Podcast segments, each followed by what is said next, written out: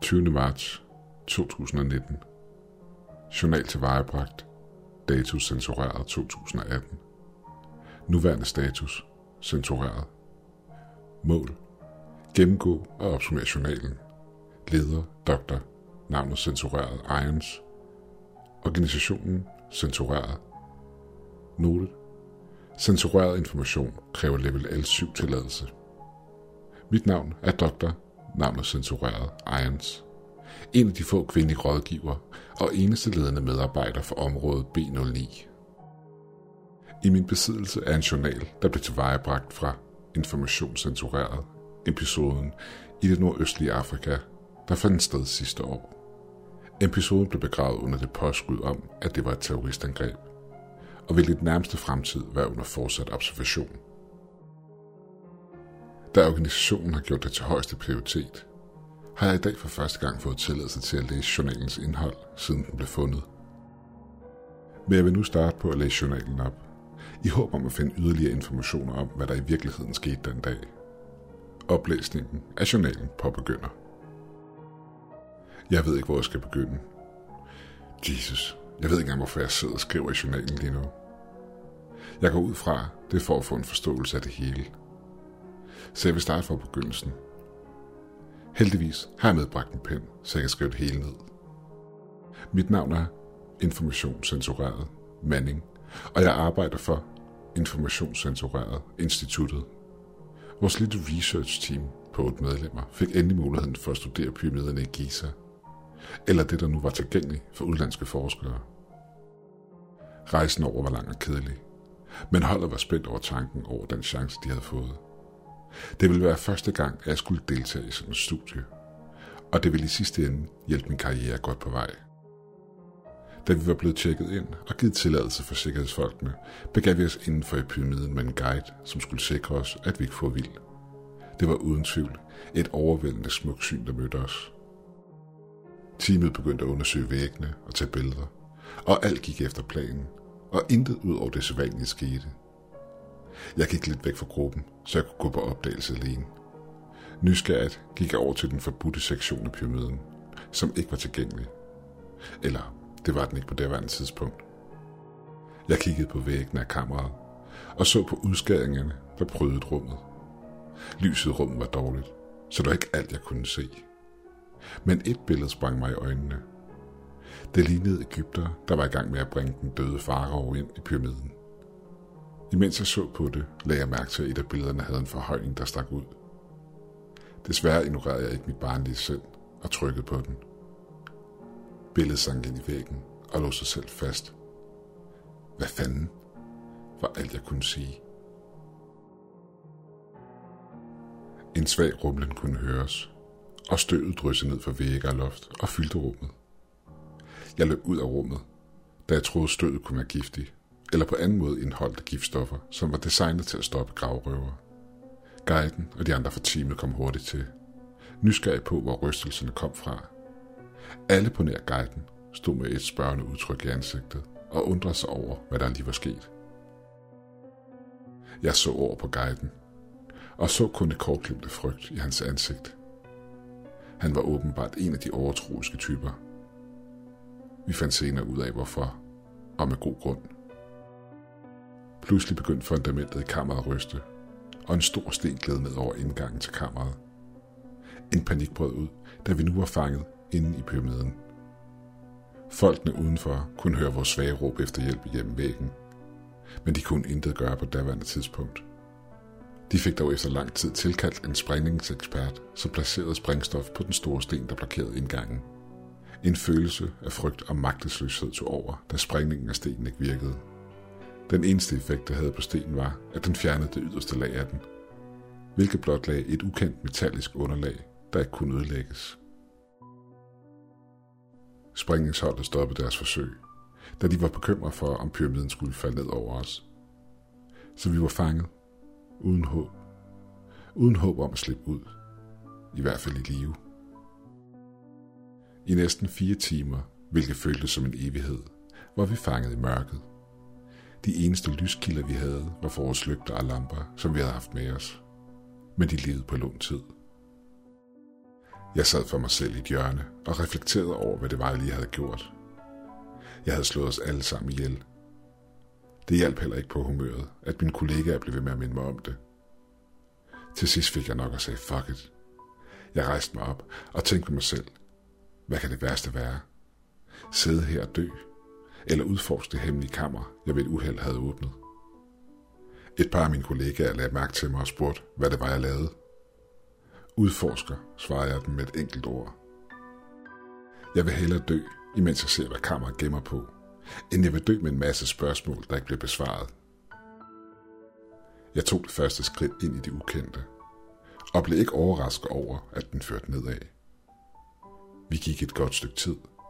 Imellem lyden af vores skridt og vores åndedrag, hørte vi pludselig en skraben lyd, efterfulgt af et langt, tungt bump, da en sten gled over indgangen for rummet, vi lige havde forladt. Fuck. Hvis vores overlevelseschancer havde været små før, var de lige blevet skåret endnu mere ned. Vi fortsatte ufortrødent ned ad den lange gang, og i et godt stykke tid kunne vi høre vores guide mumle, hvad vi gik ud fra var bønder. Det var her lyset begyndte. Vi vidste alle, at væggene var glatte. Men da vi nåede et bestemt punkt på gangen, begyndte de at udsende et mønster. Et mønster, vi ikke vidste var der. Det oplyste gangen i et blåt neonskær, som førte os til, hvad jeg gik ud fra var enden af gangen. Nogle af folkene i gruppen blev optimistiske og nysgerrige. Men for mit eget vedkommende begyndte jeg at overveje, om konspirationsteorierne måske havde haft ret. Vi ankom til et stort åbent kompleks, der var lyst op af det samme blå neonlys. Det så fantastisk ud. Som noget taget direkte ud af en sci-fi film. Og som i filmene var vi totalt uvidende over for det ukendte. En fra gruppen tog et skridt frem, og gulvet begyndte at ryste og ændre form omkring os. En lille pedestal derude frem af gulvet. Den fløj. Nej, den svævede. Jesus Christ, de skøre konspirationstosser havde ret, råbte en af mine mere fanatiske kollegaer, og jeg følte det samme. Hvad fanden er det her? Vi stod stille, og så bare til i forundring. Vi vidste ikke, hvad vi skulle gøre med pedestalen. Det var her, vi som gruppe slog os sammen og fokuserede på problemet, som de forskere vi var, og diskuterede samt overvejede vores muligheder. Vi kom til den konklusion, at platformen ville tilbyde os en mulighed for at slippe ud herfra. Eller det håbede vi på. Men selvom vi i fællesskab havde besluttet, hvad der nu skulle ske, var vi alle tøvende med hensyn til at røre ved pedestalen.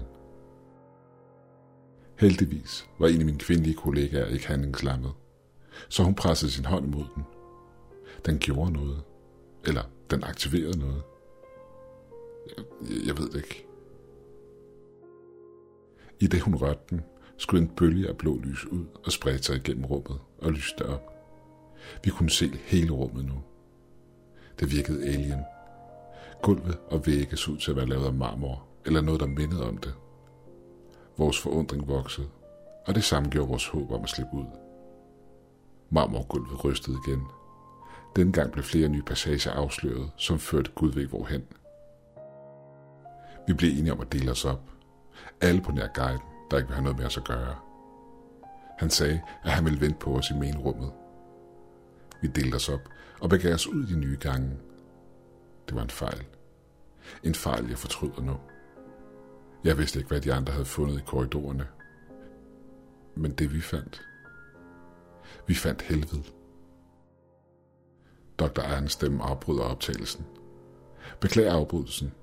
Noget af det, han har skrevet i journalen, blev tydeligt, så jeg kørte igennem vores computer. Sådan. Nu kan jeg læse resten på computeren. Journaloplæsning genoptages.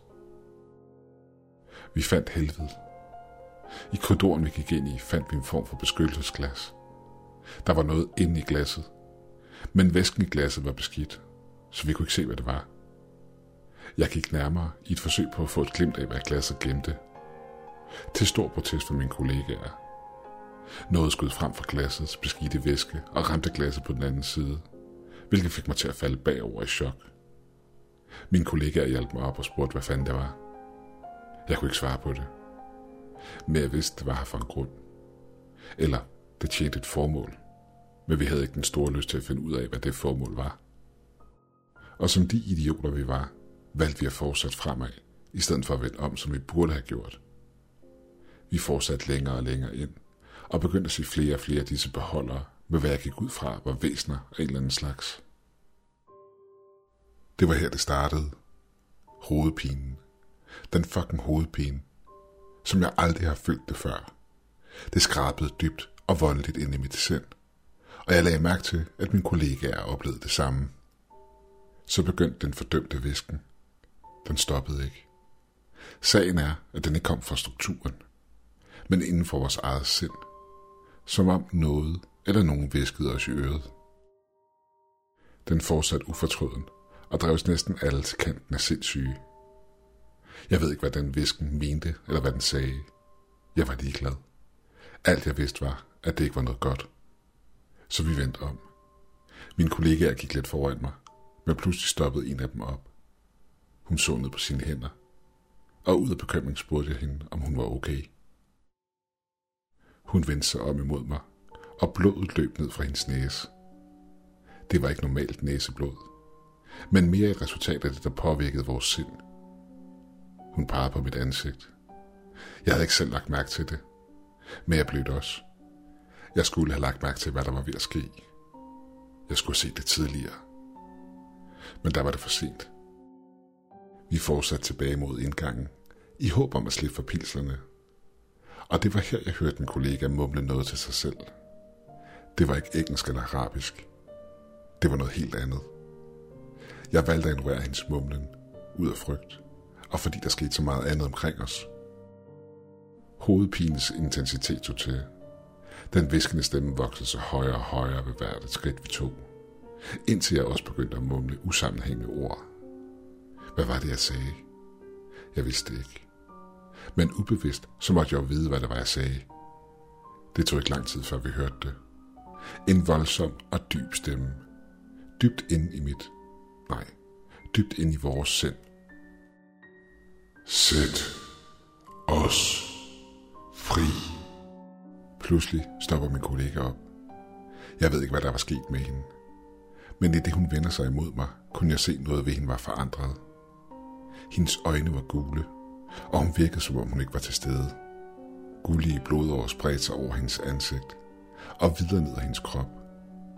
Lidt ligesom en gyserfilm. Det gav et sæt i mig, da hun talte til os. Det var ikke hende.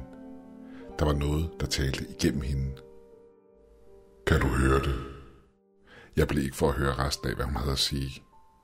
I stedet løb jeg.